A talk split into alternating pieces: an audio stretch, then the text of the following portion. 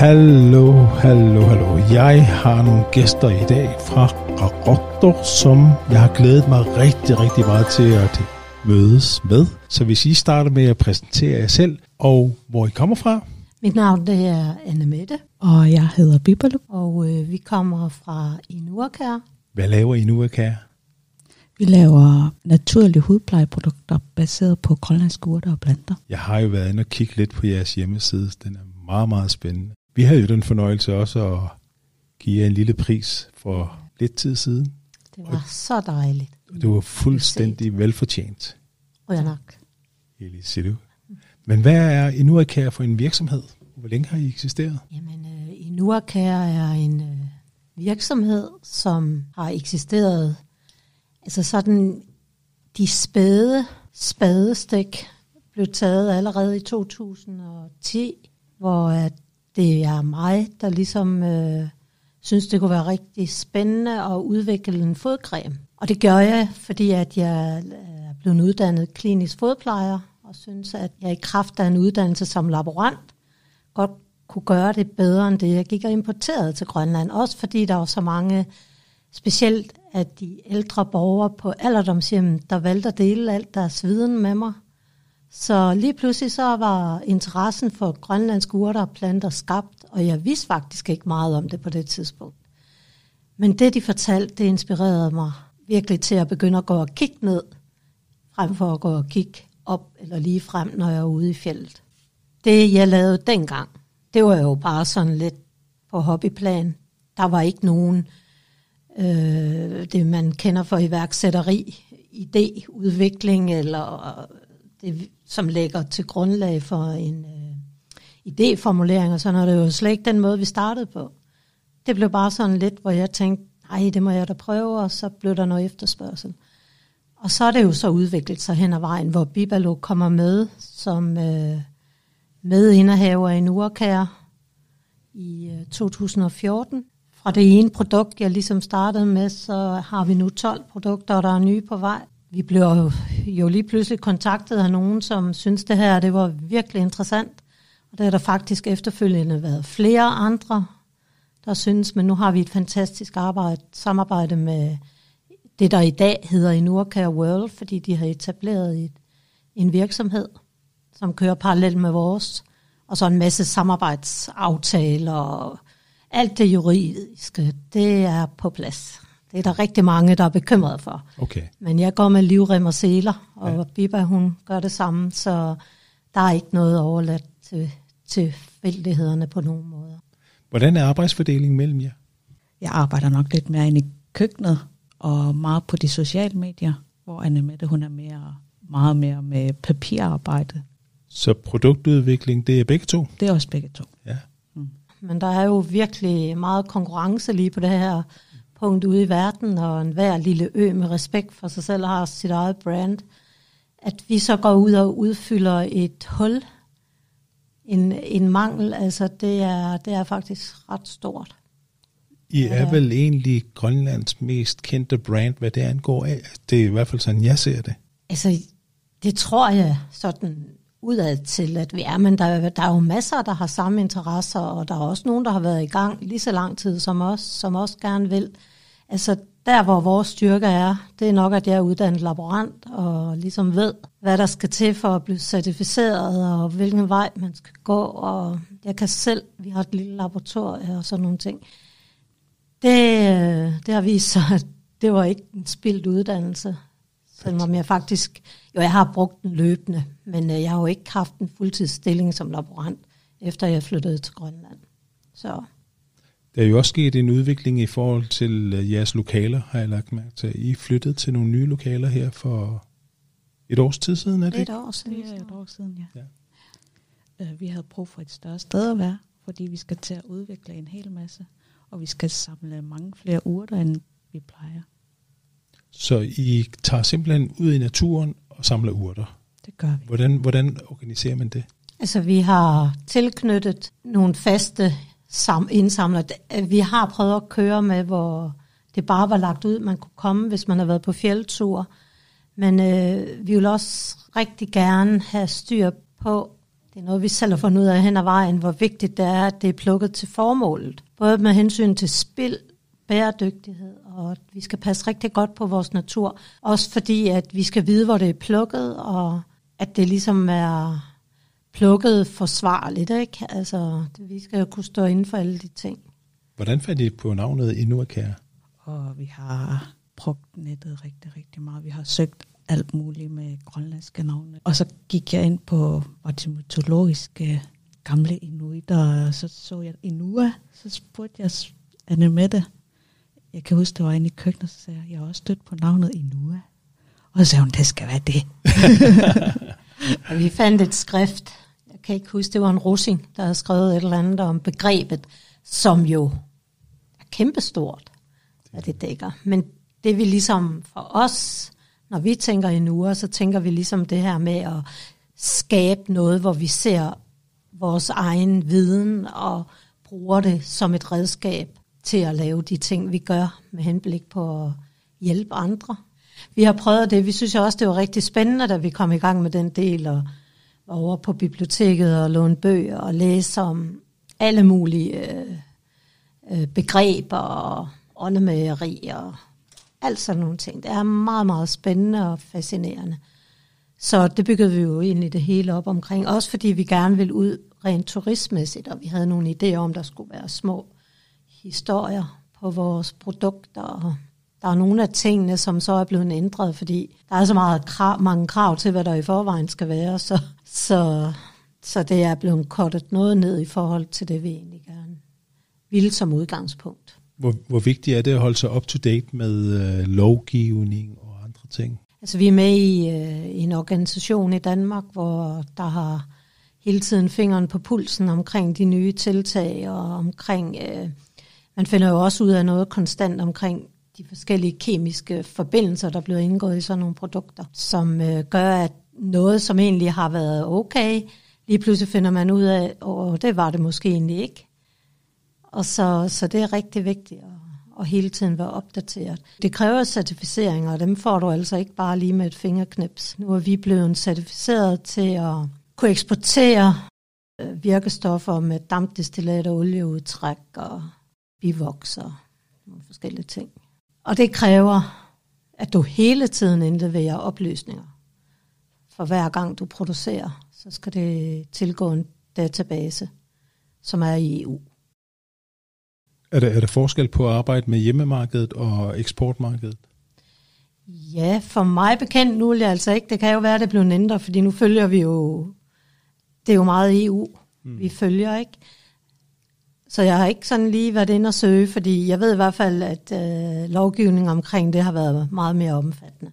Egentlig er lovgivningen, at du som producent skal kunne stå inden for produkterne. Mm. Det er jo meget lempeligt. Altså det er jo, der kan man jo sige, der er hvid, hvid rammer, ikke? der er meget fleksibilitet. Men så derfra så til at blive certificeret til at kan blive øh, godkendt til at eksportere til EU, der er der himmelvid forskel. Det er virkelig et tungt system, og det har vi jo ikke selv kunnet. Ja, vi er bare heldige, at vi har nogle ting, vi selv kan gøre her, eller så vil jeg næsten synes, det ville have været umuligt. Men det skal jeg ikke sige, at det har været, fordi alt kan løses. Noget af det, som jeg bemærker i Sydgrønland, det er jo, at vi har jo rigtig mange former for urter og, og lignende, og bær og så videre. Hvilke arter er det, I primært arbejder med? Lige nu der bruger vi Rayasa, Dubanet, Kamille, Tundrapil, Bivox, og det er dem, vi har undersøgt for egenskaber, som skulle være hudplejeprodukter. Mm. Og så kigger vi på, på andre også. Hvor er der primært interesse for jeres produkter i udlandet? Altså, der er jo Østen, der er meget interesseret, men der er faktisk også øh, USA.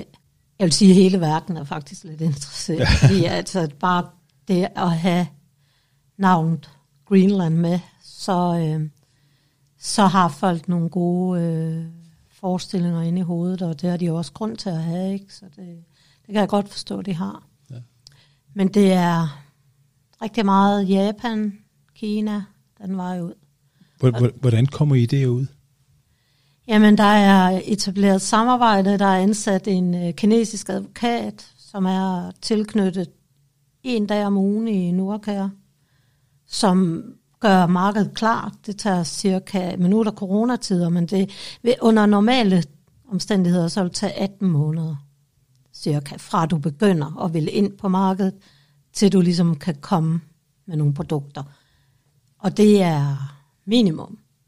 Japan, der har vi tilknyttet en øh, Nikolaj Berggren, som er, han var også med i en af de der større, eller hvad det hedder, de Peter Ingemann programmer, ikke? fordi at han har nogle meget succesfulde øh, blomsterbutikker over i Japan.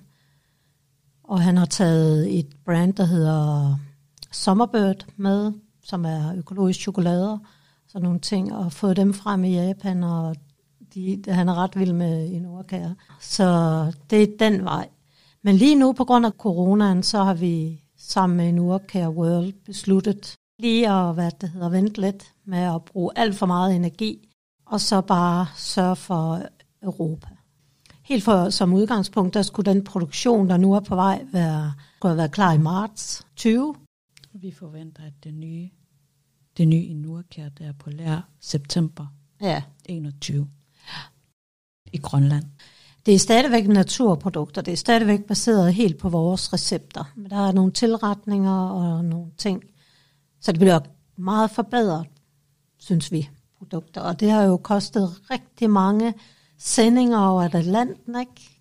Og testperioder, og til at stå der, hvor vi nu står i dag. For mig har det været vigtigt ikke at skal være i lommen på nogen som helst. Og derfor er der heller ikke nogen, der ejer noget af vores. Det har været rigtig vigtigt for mig, at, at uh, selvom det her det mislykkes, vi vil stadigvæk have en uge, kan jeg kunne gå videre derfra, hvor vi er nu. Så det har været rigtig vigtigt for mig. Ja. Ja, og så har det været vigtigt for os, og, at det skulle være grønlandsk. At, at, og det endte så også med, at de etablerede en Urka World som hjemmehørende i Grønland, selvom de skulle betale lidt mere i selskabsskat. Den er vist måske ændret, det ved jeg ikke. Der har i hvert fald været lovforslag om, at den skulle ændres, så virksomheder her de blev mere konkurrencedygtige.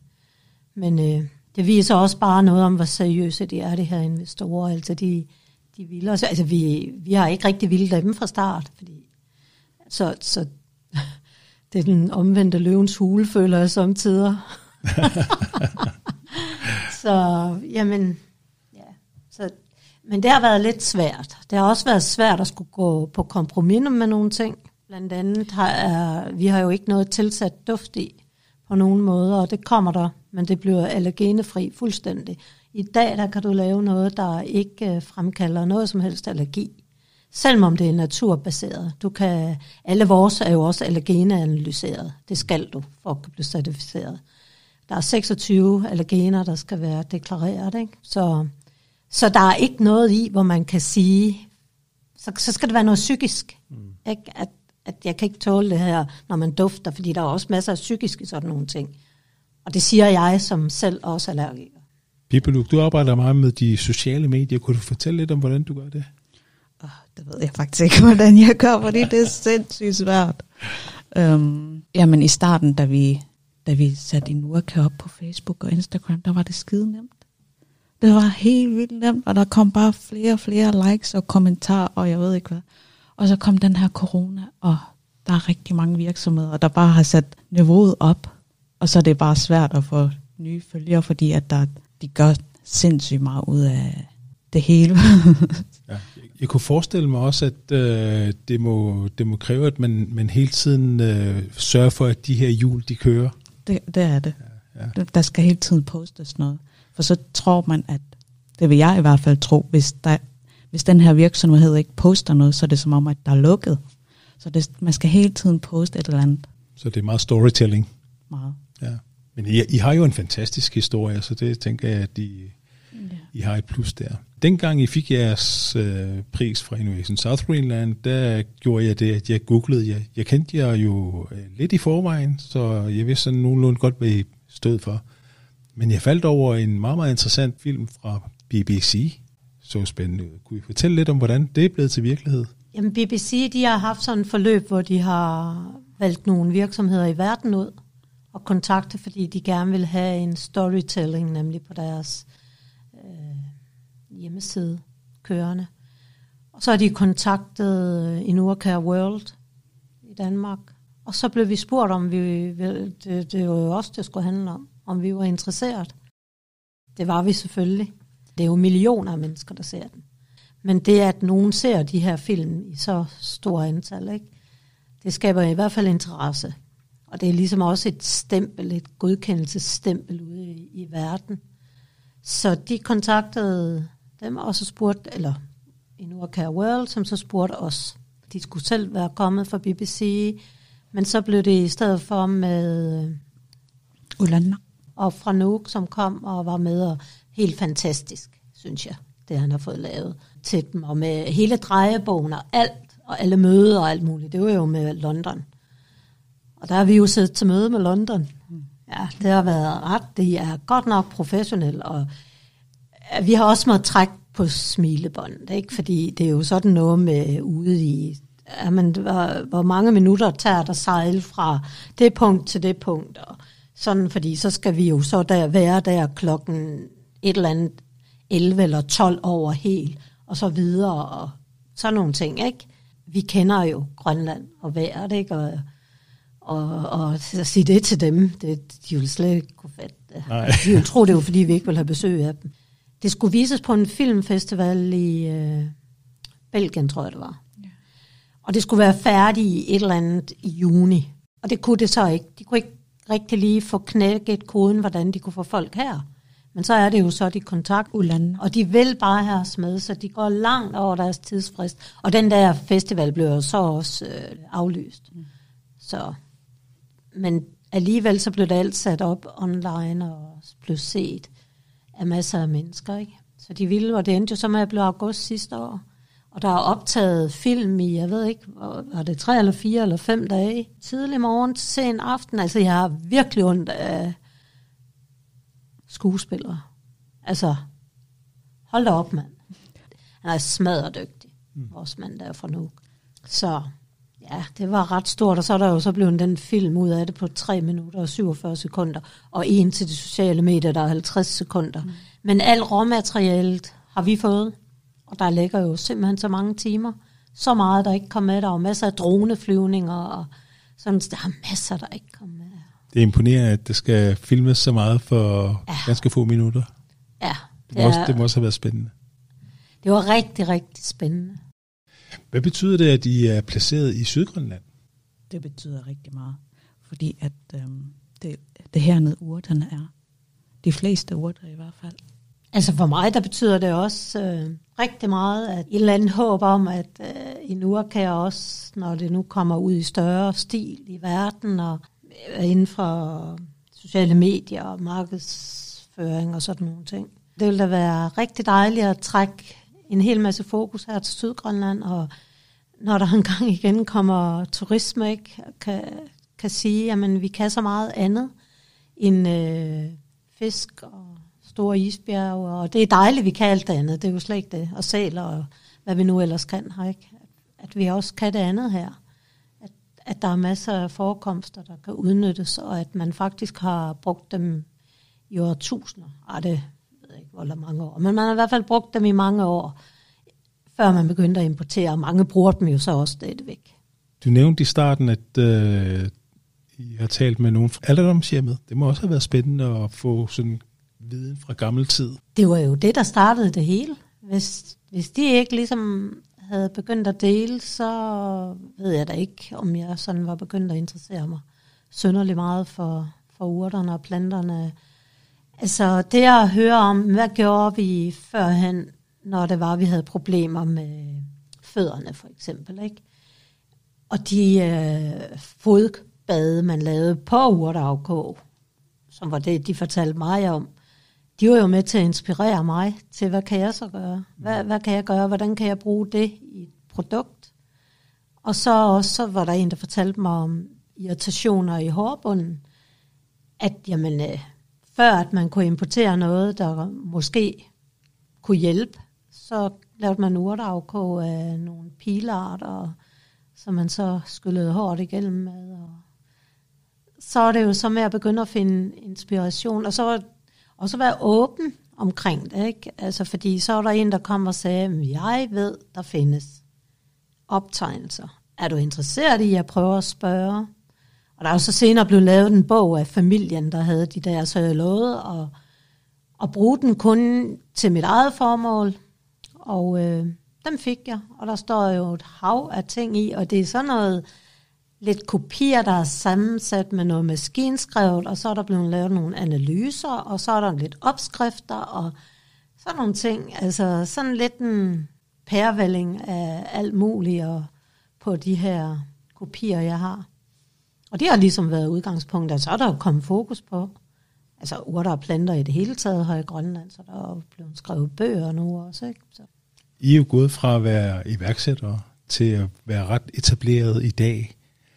Den udvikling fra at være iværksætter, som jo afhænger rigtig, rigtig meget af, hvad I selv gør, og hvor meget I brænder for, for det, I laver, til ligesom at blive en større virksomhed, kan jeg vist godt sige, internationalt publikum. Hvad har I gjort for ligesom at øh, nå hertil i dag?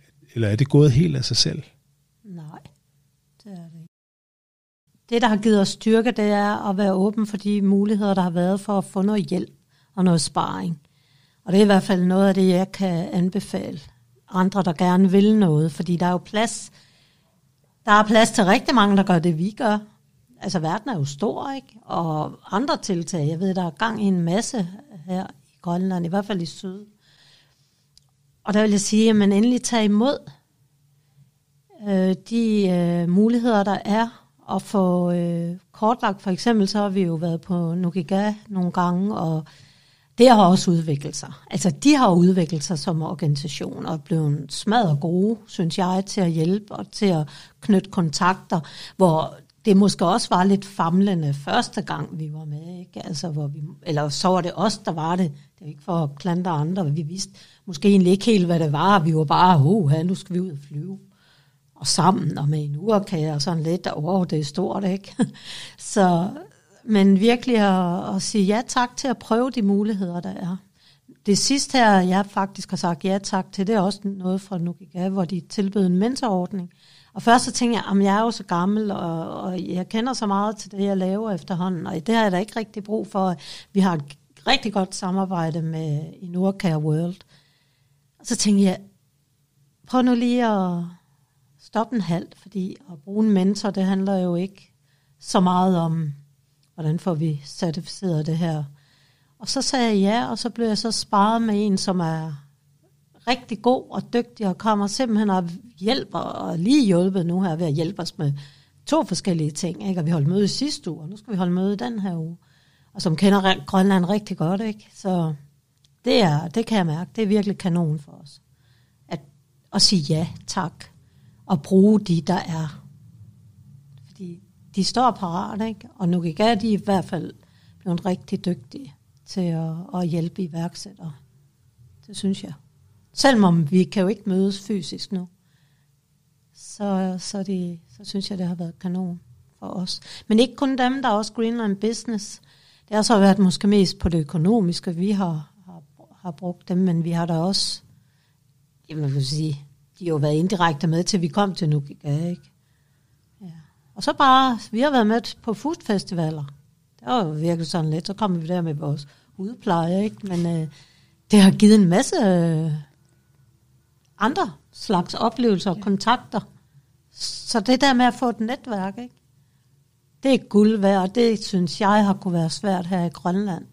Fordi du er langt væk, og, og der er en masse kompetencer her. Det er ikke det. Vi er i gang med at snakke om Inuakær, hvor vi sidder og drøfter den historik, øh, I har haft i Inuakær, som er sindssygt spændende, synes jeg. Øh, det er jo dejligt at se, at der faktisk er nogle iværksættere, der lykkedes rigtig godt øh, i Grønland, i Sydgrønland, øh, ikke mindst. Det er vi jo glade for i Innovation South Greenland, øh, men I startede jo lang, lang tid før vi startede. Så I har været meget selvkørende, det har jeg jo selvfølgelig bemærket. Det er sådan en ting, som, er, som glæder mig. Øh, vi skal hjælpe både eksisterende virksomheder, men også nystartere. Vi er i gang med næste skridt i forhold til vores strategi, fordi indledningsvis har vi arbejdet meget med at hjælpe de iværksættere, der gerne vil i gang. Men hen ad vejen er vi blevet mere klar over, at der faktisk er behov for at hjælpe med de eksisterende virksomheder til at lave en scale op. Men det jeg i virkeligheden hører med jer, det er, at I har foretaget jeres scale op. Den synes jeg er super spændende, og jeg kunne godt tænke mig at prøve at høre lidt om den overgang fra, fra iværksætter til, til at skale op. Øh, I har gjort en del selv, men I har så også fået en del interesse udefra, som øh, jo er luksus. Det er dejligt. Og det må være en, en, en gave, men også noget, som jeg fornemmer, I har haft nogle overvejelser omkring. Kunne I fortælle lidt om de overvejelser, og hvordan I kommer videre derfra? Ja, altså det her, det, altså at i gang sætte sådan et foretagende her, det er jo næsten ligesom at få et lille barn på en eller anden måde, ikke? Der har jeg i hvert fald lige i starten, da den her interesse kom, tænkt, ej, der er ikke nogen, der skal ind og stjæle vores idé, og vores se, altså sådan lidt ikke. Og øh, vi sagde faktisk nej til at holde møde. I hvert fald havde vi ikke tid til at holde møde med, med dem, som nu er de helt vildt fantastiske mennesker, vi arbejder sammen med. Hvordan er I kommet om det? Hvordan har du overvundet din, skal vi kalde det frygt, eller din, din modvilje? Og der vil jeg så sige, at øh, Nikolaj, der, der er nu øh, en af vores investorer, der, han kontakter mig første gang. Der får jeg virkelig indtryk af, at han har sat sig gevaldigt meget ind i, hvad det er, vi, vi laver og kan. Så han allerede på første møde kan ligesom skitsere for mig en anden mulighed, end det jeg sådan har gået og forestillet mig, skulle være vores, jeg vil ikke kalde det mål, men øh, den måde, vi skulle arbejde på der allerede derfra har været sådan øh, skeptisk, så blev jeg mere, hvad skal man sige, nysgerrig på, hvad det, hvad, hvad det var egentlig, at han øh, mente med det, og, eller hvad det var, han, øh, om det kunne lade sig gøre det der, ikke, som han foreslog. Vil gerne skabe nogle arbejdspladser her i Grønland. Ikke? Og, og med det forslag, eller med at få nogen ind, der var jeg bange for, at man hurtigt vil ende et eller andet sted i Danmark. Og nu kan vi sige, det gør vi jo egentlig også på nogle punkter, men det er faktisk for at skabe noget mere her i Grønland. Fordi det, der er hele logistikken i det, og der må man jo også sige, vi bor jo, det ved jeg ikke, om man må sige her i Rotterdam, men jeg føler samtidig på nogle punkter, jeg bor i udkantsgrønland. Sådan rent logistikmæssigt. Ikke? Jeg synes virkelig, vi er hægtet gevaldigt af på nogle punkter, og jeg tror på, fordi det er min indstilling, Ja, jeg tror på, at alle gør det så godt de kan. Det er bare de betingelser, vi arbejder under, men så er vi også nødt til det, og der, der kunne jeg se en idé i det, da jeg sådan begyndte at få nogle tal på. Jeg er talpige, ikke? Så da jeg begyndte sådan at kunne se det der, så kunne jeg godt se, at det er den vej, vi skal. Også for nå lige præcis det, jeg egentlig gerne ville. Jeg godt se, at jeg var ved at bide mig selv i halen. Øh, ved at blive ved med at have fokuseret på, at vi skulle kunne klare det hele her. Så man ja. bliver nødt til at gå på kompromis nogle steder? Det gør man. Ja. Helt 100% sikkert. Den måde, de har været på over for os, de, de startede jo ud så også med at invitere os til Danmark, hvor vi sådan havde de første møder, og hvor vi sådan ligesom begynder at følge hinanden lidt an, den der kommunikation, man ikke helt kan få online. Fordi det handler om meget mere end lige det her, de her ord. Der er så meget kropssprog, ikke? I alt, hvad vi gør, så ved vi godt, jeg kan ikke huske de der procenter. Ikke? Det betyder så meget, så vi var sammen en weekend i Danmark, ikke? hvor vi fik sat noget, nogle rammer for det her samarbejde, og så har de jo været her en hel uge. Tror jeg. Så købte de så en ejendom her, og sådan nogle ting. Ikke? Altså, vi, kan virkelig, der gik ikke lang tid, de har ikke behøvet at købe en ejendom eller noget. Vel? Altså, vi kunne jo virkelig se, at det her det er mennesker, der vil også det godt, og som synes, det her det er rigtig, rigtig spændende. Der findes nogen i verden, der bare brænder for at plante et frø og se det vokse så stort og være med i den der proces. Og der bliver nok plantet mange frø, som aldrig kommer til at spire, men det gør det her i hvert fald på trods af alle de vanskeligheder, der nu har været med corona. Altså det, men det er jo generelt i verden, så det er jo, der er vi jo på lige fod med alle andre. Ikke? Ja, altså det der med at, at have et eller andet fuldstændig fasttømret ind i hovedet. Det, det har jeg i hvert fald må lære at gå rigtig meget på kompromis med. Og så også se mine egne begrænsninger. For jeg er ikke mange millionærer, kan sige, okay, så sætter vi lige det her med. Og jeg har også en alder, hvor jeg ikke vil sætte alt over styre, selvom når man først har sagt A, så er man også nødt til at sige B. Så, så der har, i hvert fald har jeg også må gå på kompromis der med min egen opsparing gennem tiderne. Ikke? At, at sådan er det bare. Der er nogle ting, når du starter sådan noget, så kommer der nogle øh, ting hen ad vejen, som øh, du måske ikke lige havde forudset. Hvor er Inuaka om fem år? Inuaka er i alle Grønlands byer og hoteller. Ja, vi står jo selv helt for hjemmemarkedet. Yeah. Så, så det, det vil vi jo, nu her hvor vi får frigjort noget energi, og Bibba ligesom også kommer tilbage efter barsel, så er det jo helt sikkert, at vi gerne vil nøse vores hjemmemarked meget mere, end vi har gjort tid til. Uh, vi har ikke været ret gode til at stå frem og være de gode sælgere.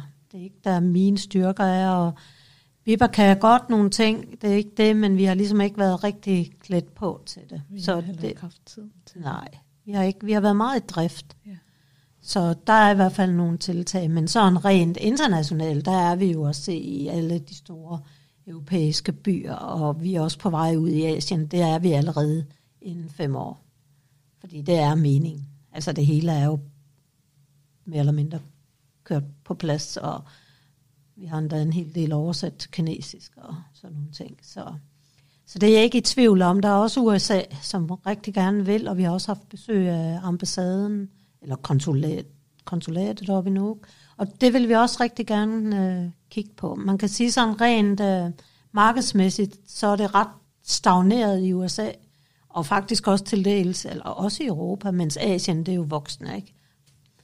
Så sådan er man jo også ind og kigge på, når man arbejder sammen med de rigtige mennesker, der ved, hvor man skal holde fingeren på pulsen, for ligesom at vide, hvor er det, vi skal satse. Så, ja. Så det er der, hvor vi er, og, og sådan her rent bymæssigt, altså her i kommunen, Guerslag, der har jeg i hvert fald et håb om, at vi har om fem år, jeg ved ikke lige, men jeg regner for, med inden for en, tre år at have en fem, seks ansatte ud over det, vi har nu. Ikke? Det er jo ikke sådan, at vi ikke skal lave noget, selvom noget af produktionen flytter. Altså tværtimod, så skal vi levere alt det, der er bæredygtigt. Altså essenserne. Og, og, vi, og vi skal jo pl- på, øh, plukke bæredygtigt, og vi skal samle, med, så det skal også spredes ud over større areal. Det er ikke, fordi vi kan plukke Grønland tynd hernede. Men, men jeg har alligevel en idé om, at vi skal op omkring nu, også, hvor de også har store forekomster af nogle af de ting, vi bruger. Og mere syd på os. Lige nu bruger vi jo fjordsystemet og rundt her omkring Rådok. Så der skal også laves noget. I er jo nogle erfarne iværksættere, i virksomhedsejere. Hvis nu I skulle give et råd til nogen, som gerne vil i gang, hvad, hvilke gode råd kunne I tænke jer at give dem? Altså det bedste råd, jeg kan give andre, det er at lade være med at have fokus på bundlinjen og tænke på, at jeg skal tjene en masse penge. Fordi det vil jeg ikke sige, at jeg ikke kan lade sig gøre. Men øh, jeg tror, det er svært. Jeg tror, det du skal, det, du finder noget, du virkelig brænder for, og for, jeg kan jo kun sige, hvad jeg selv føler. Altså for mig er det her en livsstil. Det betyder også, når jeg vågner søndag morgen, så kan det sagtens være en uge, kan jeg lære det som regel, at jeg tænker på allerførst. Et eller andet, jeg har gang i, jeg mangler at få løst. Og, ja, og så, så det er faktisk mit bedste råd. Det er, at øh, omdrejningspunktet, det må være en passion for noget, du ser, der mangler. Det synes jeg er en rigtig, rigtig flot afslutning på en spændende, spændende podcast. Med mindre I har mere på hjertet, Ja, så vil jeg også gerne øh, lige tilføje, at for mig har der været noget sårbart omkring det her. Øh, hvad, hvad hvis det nu ikke lykkes, ikke? Øh, hvordan vil jeg så føle det som noget personligt? Der, der har jeg virkelig skulle lære at, at tænke på en anderledes måde, også når jeg sidder over for nogle mennesker, som jeg måske gerne vil dupere eller et eller andet. Ikke? Altså det der med, at øh, det, det er jo ikke mig. endnu, og kære er jo ikke mig. Jeg tror, det kan være en rigtig grim, i hvert fald for mig, hvis det var, at jeg identificerede hele mit liv i, selvom det er min livsstil, så har jeg det også sådan, uanset hvad der sker lige nu, så har det været det hele værd. Ikke? Og det har bare gjort mig stærkere, og jeg kan gå med oprejst pande, fordi jeg ved, at jeg har gjort alt for, at det skulle blive en succes. Og så er livet bare sådan, ikke? Altså, og så tror jeg jo på, at alting sker lige præcis, som det er planlagt, at det skal. Selvom der er noget, der måske ikke går for, nu tænker jeg også på unge iværksættere, ikke? Så man, der er aldrig noget, der er spild. Det kan godt ske, at det skal lukkes ned, men øh, brug det som øh, en oplagt mulighed til at sige, at jeg fik nogle erfaringer, og jeg fik nogle ting, jeg kan bruge videre. I en, jeg lærte noget, og det er jeg mig bevidst om, og så i gang igen. Fordi når man først har mærket den her passion, den her ild, man kan få i kroppen, så tror jeg, det bliver rigtig svært at gå ind og skal have et 8-4 job et eller andet sted. Hvor vigtigt er det at have familiens opbakning? Det er meget vigtigt. jeg tror ikke, jeg har gået igennem det her uden min mands opbakning. Han har været med hele vejen. Altså også min. De kan ja. godt samtidig synes, at vi har det lidt for hyggeligt, fordi de går rundt i den her mandsdominerede, lidt hårde verden, ikke? og der skal bare leveres, ikke? Sådan føler jeg det, og så kommer de ned, hvor vi går og hører podcast Mørkeland, eller et eller andet, eller hører musik, og vi, det skal jo også være sjovt, det er absolut ikke altid sjovt. Altså det er det ikke. Altså jeg har lige haft nu med søvnløse netop på grund af nogle ting, jeg ikke rigtig lige kunne knække. Så, men øh, sådan skal det være, ikke? Det hedder balance, ikke? Det hedder yin-yang. der skal være lidt af hvert, ikke? Så det lærer man noget af, ikke? Så, det, men det betyder rigtig meget. Og det er også, når det er en livsstil, ikke? Det, jeg kommer selv fra en iværksætterfamilie. Det tror jeg, det er en kæmpe, kæmpe fordel. Det gør min mand jo også. Så det tror jeg faktisk, det, behøver, det er ikke nogen forudsætning, men jeg tror i hvert fald, det er et godt udgangspunkt. At man ligesom er vokset op i sådan et foretagende, og mit det er endda et familieforetagende, så, så jeg kender godt til alle de der problemstillinger, der også kan være i sådan en situation. Ja.